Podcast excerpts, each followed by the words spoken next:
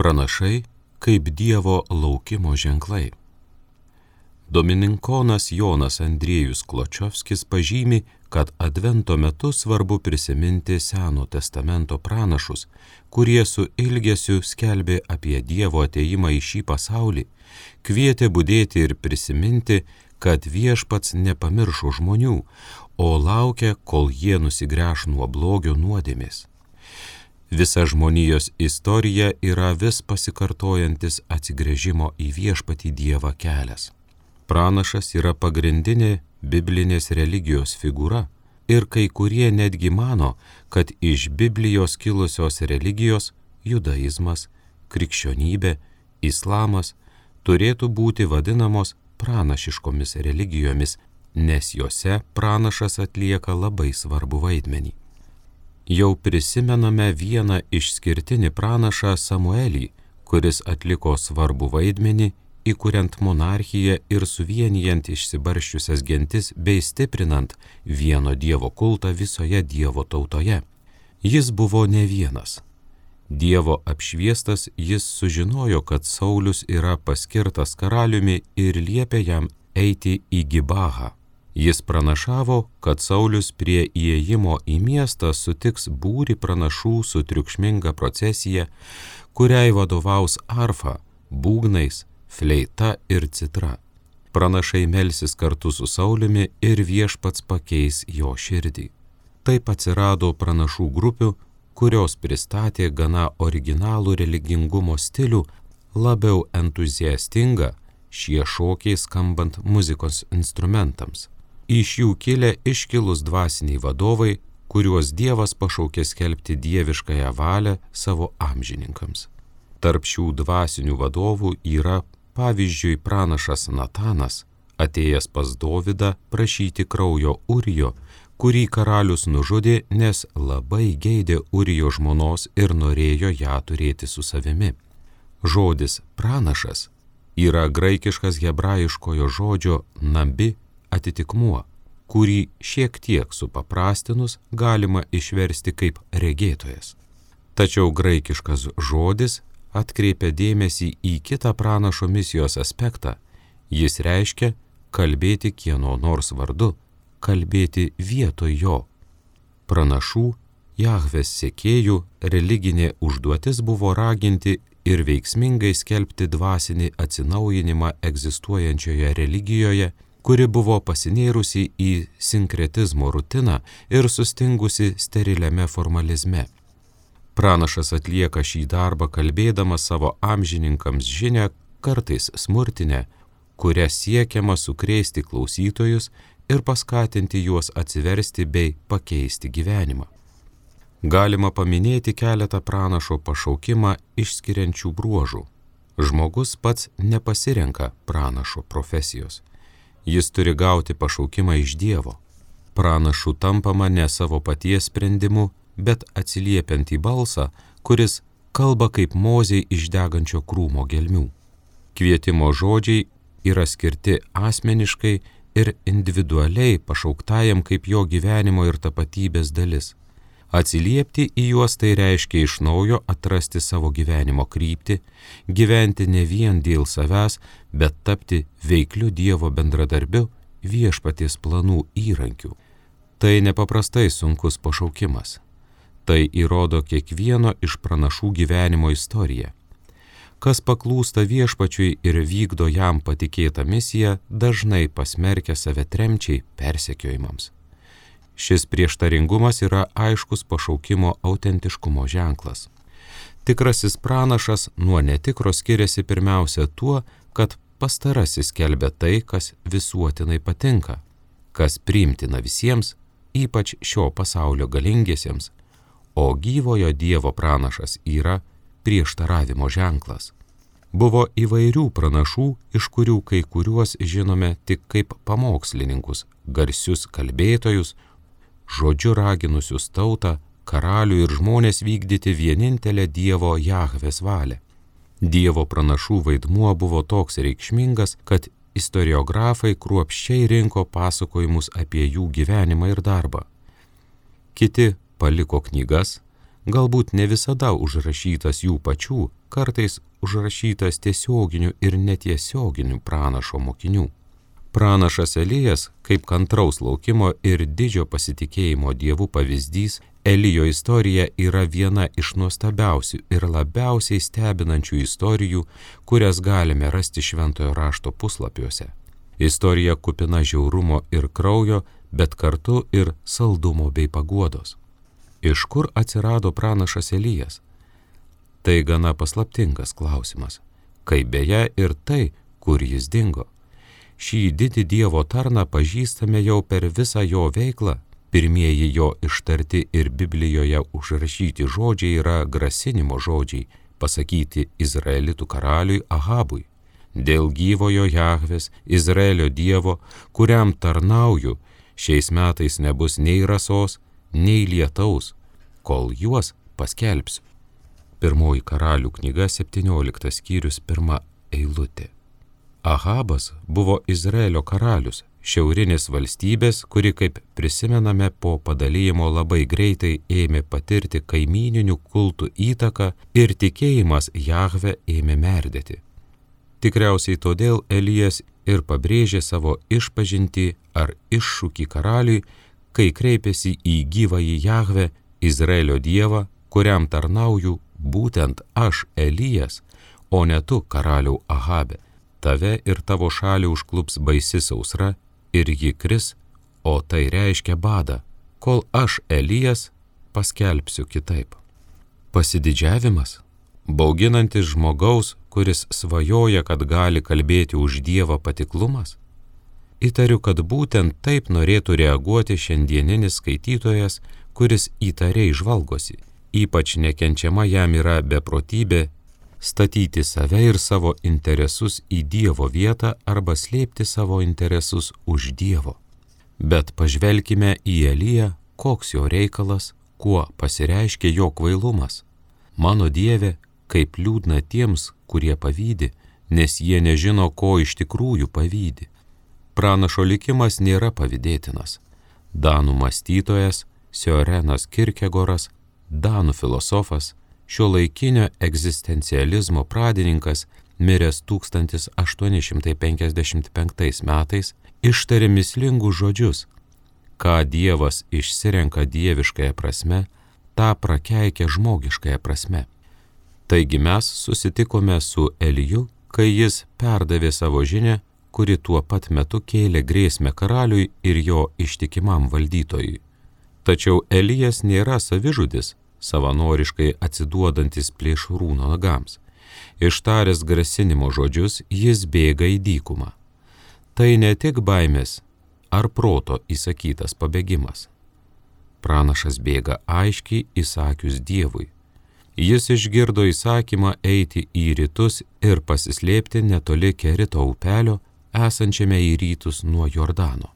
Krikščioniškoje ikonografijoje žinomi mūsų pranašo sėdinčio eremitijoje ir malšinančio troškulį vandens asočių iš upelio atvaizdai, o ant gretimo medžio šakos, nes Europos dailininkų vaizduotėje dykumoje yra medžių, sėdi varnas, snape laikantis didžiulį duonos kepalą. Tačiau ikonografijoje nenurodyta dar viena svarbi detalė, kad varnas Elijui atnešė ne tik duonos, bet ir mėsos tačiau tai žinoma smulkmenos. Taip pat yra ir kitas galimas paaiškinimas, kas buvo tas paslaptingasis varnas, tarnaujantis Dievui ir pranašui. Čia pavartota hebrajišką žodį galima išversti kitaip, tada tai būtų ne varnas, o arabas, klajoklis iš dikumos. Taigi dikuma tapo Elijo misijos pradžia arba nuolatiniu jo misijos elementu. Jis grįždavo prie jos po įtempto darbo, pavojingos įtampos akimirkomis, kai priešai kėsinosi į jo gyvybę. Aplankėme Eliją dikumoje, kurį varnai maitino duona ir mėsa, o jis gėrė vandenį iš upelio. Tačiau atsitiko taip, kad upelio vanduo išdžiuvo ir mes prisimename, kad vis dėlto buvo sausra, apie kurią paskelbė pats Elijas. Tuomet Elijas išgirsta balsą, kuriuo jam kalba Jahve Dievas. Jam įsakyta eiti į Sidonui priklausančią vietovę Sareptą, kurioje gyveno finikiečiai. Tai labai svarbi ir verčianti susimastyti aplinkybė. Elijas turi ieškoti prieglopšio pagonių mieste. Tačiau yra Judo karalystė, kurioje karaliavo pamaldus karalius Juozapatas, garbinės tikrąjį Dievą. Tačiau pranašas turi ne tik palaikyti pamaldžiųjų dvasę, bet ir kitų užduočių. Jis turi eiti į sunkiausias žmonių dvasinės kovos vietas, jis turi eiti į kraštutinumus ir dar toliau. Elijui duodamas keistas įsakymas. Jis turi nuvykti į Sareptą ir ten apsigyventi, nes Jahve liepė vienai našliai pamaitinti pranašą. Pranašas atsikėlė ir nuėjo į Sareptą. Kaip jis atpažins šią moterį, kuriai, kaip jis žinojo, viešpats buvo įsakęs jį maitinti. Prie miesto vartų jis sutiko moterį, kuri rinko aplink besimėtančius medžio gabalus. Ar tai buvo ta moteris? Jis nusprendė pabandyti ir liepė jai atnešti jam indą su vandeniu. Moteris akivaizdžiai suprato, kad turi reikalą su Dievo žmogumi, pranašu, kokį jį matydavo savo miesto gatvėse arba stovinti prie vartų ir skelbinti žinę savo dievams. Matyt, ji manė, kad jai būtų protingiau mandagiai aptarnauti svečią, o ne rizikuoti užsitraukti asmens, kuris buvo šiek tiek nenuspėjamas rūstybė. Juk kaip galima pagrįstai nuspėti pranašo elgesį. Per savo gyvenimą ji jau matė jų tiek daug. Moteris bėga su puodu duoti vandens klajojančiam pranašui, bet čia ji vėl išgirsta jo balsą atnešk man duonos gabalėlį. To jau buvo per daug. Tvyro badas, žmonės miršta dėl vandens ir maisto stygiaus.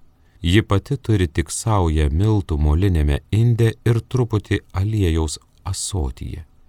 Ji buvo nevilties dugne. Tai buvo viskas, kas liko valgyti jai ir jo sūnui. Pasijutusi visiškai bejėgė, ji paprasčiausiai išėjo iš miesto surinkti dar kelių atsitiktinių paliktų malkų, kad grįžusi namo galėtų paruošti vaikui ir savo paskutinį valgį, po kurio jiems neliks nieko kito kaip tik mirti. Elijas jau žinojo, kad atvyko į teisingą vietą, kad tai moteris, kuri gavo žinę iš Dievo Jahvės, kad jį pamaitintų. Nesvarbu, ar ji tai matė ar ne tai jis, Elijas, matyt, ketino jai apie tai papasakoti. Jis sako, gerai, eik ir daryk, kaip sakei, iš paskutinių miltų ir aliejaus paruošk savo ir savo sūnui bandelių, bet prieš tai iš to, ką dar turite, pirmiausia padarykite nedidelę bandelę ir atneškite man. Štai pranašiško skelbimo žodžiai. Nes taip sako Jahve, Izraelio Dievas, miltų indas neištuštės ir aliejaus asotis neišseks iki tos dienos, kai Jahve išlies lietų ant žemės. Tai buvo šokiruojanti žinia. Nėra nei menkiausios tikimybės, kad jie išgyvens, tiesiog yra sausra, o vargšai žmonės, tokie kaip Sareptos našlė ir jos sunus, tiesiog privalo mirti. Taip buvo visada ir taip turėjo būti. Kągi reiškia pranašų žodžiai? Argi jie nėra įžeidimas ir iššūkis jo skurdui? Daugeliui žmonių ši scena iš pirmosios karalių knygos yra sukrečianti ir nuostabi. Pirma, ji nuostabiai nedėra prie iškilmingo knygos pavadinimo. Nepamirškite, kad skaitome pirmąją karalių knygą. Kaip retai randame kronikų parašytų iš pirmojo aukšto, tai yra iš Sareptos našlės lygio. Mes puikiai suprantame dilemą, su kuria jis susidūrė ir jos dviejonė atnešti bandelių Jahvės tarnui ir pasilikti likučius, valgyti su sunumi ir mirti. Ji nusprendžia pasitikėti ir viską atiduoti, taip labai surizikuoti. Ji nuėjo ir viską darė pagal Elijo žodžius ir įvyko stebuklas. Nieko ypatingo, nieko įspūdingo tik truputis aliejaus statinėje ir truputis miltų lėkštėje, šiek tiek, bet toks buvo gyvenimas, tiesiog buvo ką valgyti. Ir jis neištuštėjo, kol vėl pradėjo lyti. Evangelijos skaitytojai gali prisiminti gana panašią sceną. Piligrimai meta daugiau ar mažiau aukų iš šventyklos išdą. Ir sena moteris. Jėzus, kuris stebėjo kartu su mokiniais, sako, ši moteris davė daugiausia, nes ji atidavė viską, ką turėjo. Ši evangelinė moteris buvo panaši į našlę iš Sareptos. Pasitikėdama atidavė viską, gėdindama apdairius, atsargius žmonės, kurie vis dar jaudinasi dėl mažo skatiko, jį aukodami Dievui, o turtus pasilikdami vien savo. Dar viena nuostabi neįtikėtina istorija. Tai Elijo atliktas aukojimas ant Karmelio kalno. Įvyko taip, kaip prašė Elijas. Ahabas sušaukė visos Izraelio tautos susirinkimą ant Karmelio kalno. Atėjo ne tik žmonės, bet ir balo pranašai. Elijas susidūrė su visais savo priešininkais, reikėjo nuspręsti, kur čia tiesa - Elijo ar balo kunigų pusėje. Žmonės susirinko į karaliaus kvietimą. Visada buvo smalsu sužinoti, kas nutiks. Apie šį keistą pranašą atkakliai besilaikantį pasenusio tikėjimo Jahve pasakyta tiek daug, kad verta žiūrėti. Kas žino, gal iš tiesų bus įdomu, gal įvyks įdomių įvykių. Elijas nebuvo lengvos taikos žmogus. Jis nebuvo dėrybų žmogus. Jis buvo kovos žmogus. Tiesa, jo priešininkų karinė persvara buvo triuškinanti. Vien balo kunigų prieš jį buvo 450. Elijas elgėsi iššaukiančiai. Jis sako, jūsų yra daugiau, Tad pradėkite, tegul vienas iš jūsų išsirenka jauti ir visi kuo garsiau šaukite savo Dievą, jis tikrai jūs išgirs ir atneš ugnį. Jie paėmė veršį, jį surišo ir nuo ryto iki vidurdienio šaukėsi balo vardo šaukdami, o balė atsakyk mums, bet nebuvo nei balso, nei atsakymo.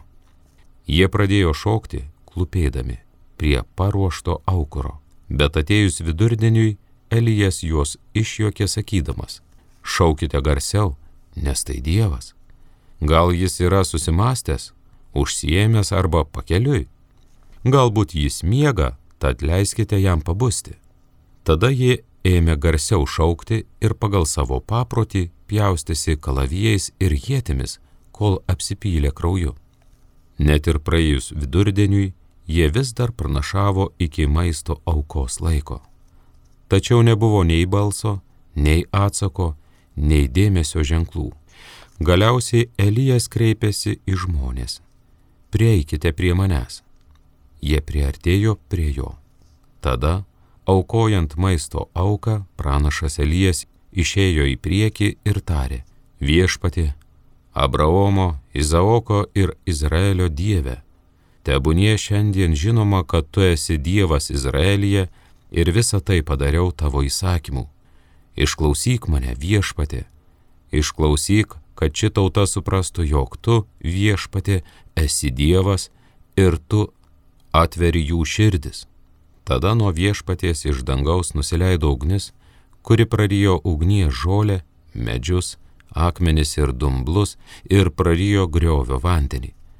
Tai pamatę visi žmonės puolė veidų į veidą ir tarė, tikrai Jahve yra Dievas, iš tiesų viešpats yra Dievas, Elijas jiems įsakė, suimkite balo pranašus, tegul ne vienas iš jų nepabėga. Todėl jie iš karto juos suėmė. Elijas nuvedė juos prie kišono upelio ir ten juos sunaikino. Tai istorija apie vieno Dievo pergalę apie pasitikėjimą vienatiniu Dievu kaip gelbėtoju, kuris gali ateiti pa žmonės, kai yra laukiamas, kai jo šaukiamasi. Biblijos žinovai kai kada pranašus skirsto į dvi pagrindinės grupės - tuos, kurie paliko rašytinius tekstus ir tuos, kurių gyvenimas, mokymas ir žodžiai išliko kitais būdais. Pranašo, iš kurio neišliko nei vienos teksto eilutės, pavyzdys buvo Elijas Nuostabus ir nepaprastas veiklus vyras, kurio gyvi žodžiai nebuvo perkelti į papirusą ar lentelę. Tačiau jo atminimas išliko nepaprastas. Jis taip pat paliko įpėdinį ir mokinį Eliziejų. Pasakojimą apie Eliziejaus pašaukimą randame pirmosios karalių knygos puslapiuose. Elijas sutiko Šafato sūnų Eliziejų, kai šis arė žemę plūgu, prikabintų prie dvylikos porų jaučių. Šio fakto pabrėžimas rodo, kad Eliziejus buvo turtingas žmogus. Elijas ne pats sugalvojo pašaukti Eliziejų, bet išgirdo tai iš Dievo, kuris ant šventojo Horebo kalno jam kalbėjo ir davė nurodymus. Vienas iš šių įsakymų buvo būtent patepti Šafato sūnų iš Abelio Mechola pranašų po savęs, tai yra įpėdinių. Įdomu tai, kad Elijui nebuvo nurodyta pašaukti savo mokinių vieną iš pranašų grupių, kuriuos tuo metu jau buvo gana gausios narių. Eliziejus buvo, kaip šiandien sakytume, pasaulietis. Elijus pakviečia Eliziejų simboliniu gestu, tai yra uždengia jį savo apsaustu. Senovės rytuose apsaustas reiškia jo savininko asmenį ir teisės. Taigi apsausto uždėjimas reiškia, kad Elijas paima Eliziejų į savo globą, o Eliziejus tampa Elijo mokiniu ir turi sekti paskui jį. Jis nuolankiai priima šį sunkų apdovanojimą, tik prašo savo naujojo šeimininko, leiskite man pabučiuoti tėvą ir motiną. Grįžęs jis paukojo jaučius Dievui, išvirė mėsą ir davė žmonėms. Jis nieko nepaliko, viskas jam buvo atvira. Jis ėmėsi sunkiausio gyvenimo nuotykio būti pašauktas pas Dievą. Būtent Eliziejus buvo paslaptingo Elijo išvykimo liudininkas. Vėlesnis išminčius graikų kalba parašytoje Siracho knygoje rašo apie Eliją. Vidury viesulo tu buvai pakeltas į viršų tarp galingos ugnies aukštumoje. Siracido knyga 48 pastraipa 9 eilutė. Paslaptingo Elijo išvykimo aprašymas yra jaudinantis ir kupinas vidinės įtampos. Pranašas atlieka savo paskutinę misiją Jis pasakė kalbą Izraelitų karaliui Ahazui. Primename, kad šis pavadinimas reiškia šiaurinę karalystę. Primindamas jam jo pareigą rūpintis Jahvės garbinimu. Ir tada įvyko tai, kai Jahvė ruošėsi paimti Eliją viesulų į dangų, Elijas ir Eliziejus ėjo iš Gilgado. Antroji karalių knyga, antra pastraipa, pirma eilutė. Abu žinojo, kad įvyks kažkas nepaprasto. Elijas jaučia poreikį pabūti vienas ir bando įtikinti savo ištikimą mokinį pasilikti, o nesekti paskui jį. Eliziejus protestuoja. Aš tavęs nepaliksiu. Jie ėjo toliau, kol pasiekė Betelį senovinės šventyklos vietą. Ten buvo apsistoję pranašų sūnus, charizmatinių maldos grupių nariai. Jie taip pat žinojo, kad kažkas įvyks Jie sako Eliziejui, ar žinote, kad šiandien Jahve iškelia jūsų šeimininką virš jūsų galvos? Jis atsakė, aš taip pat žinau. Jie ėjo toliau. Elijas vėl prašo mokinio palikti jį ramybėje, bet šis vis dar užsispyręs seka paskui jį. Jie atėjo prie Jordano. Elijas savo apsausto pakraščių trenkė į vandenis ir jie, kaip Jozuės laikais, išsisklaido. Įtampa auga.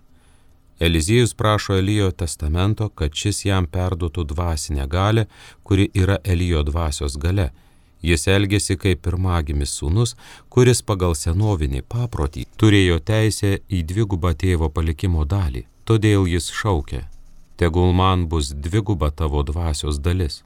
Elijas žino, kad jo mokinys prašo didžio ir sunkaus dalyko, dovanos iš dangaus, kurią gali duoti tik Dievas. Jis atsako, kad Eliziejus sužinos, ar gavo dovaną tik tada, kai pamatys Eliją, kai šis ją paims.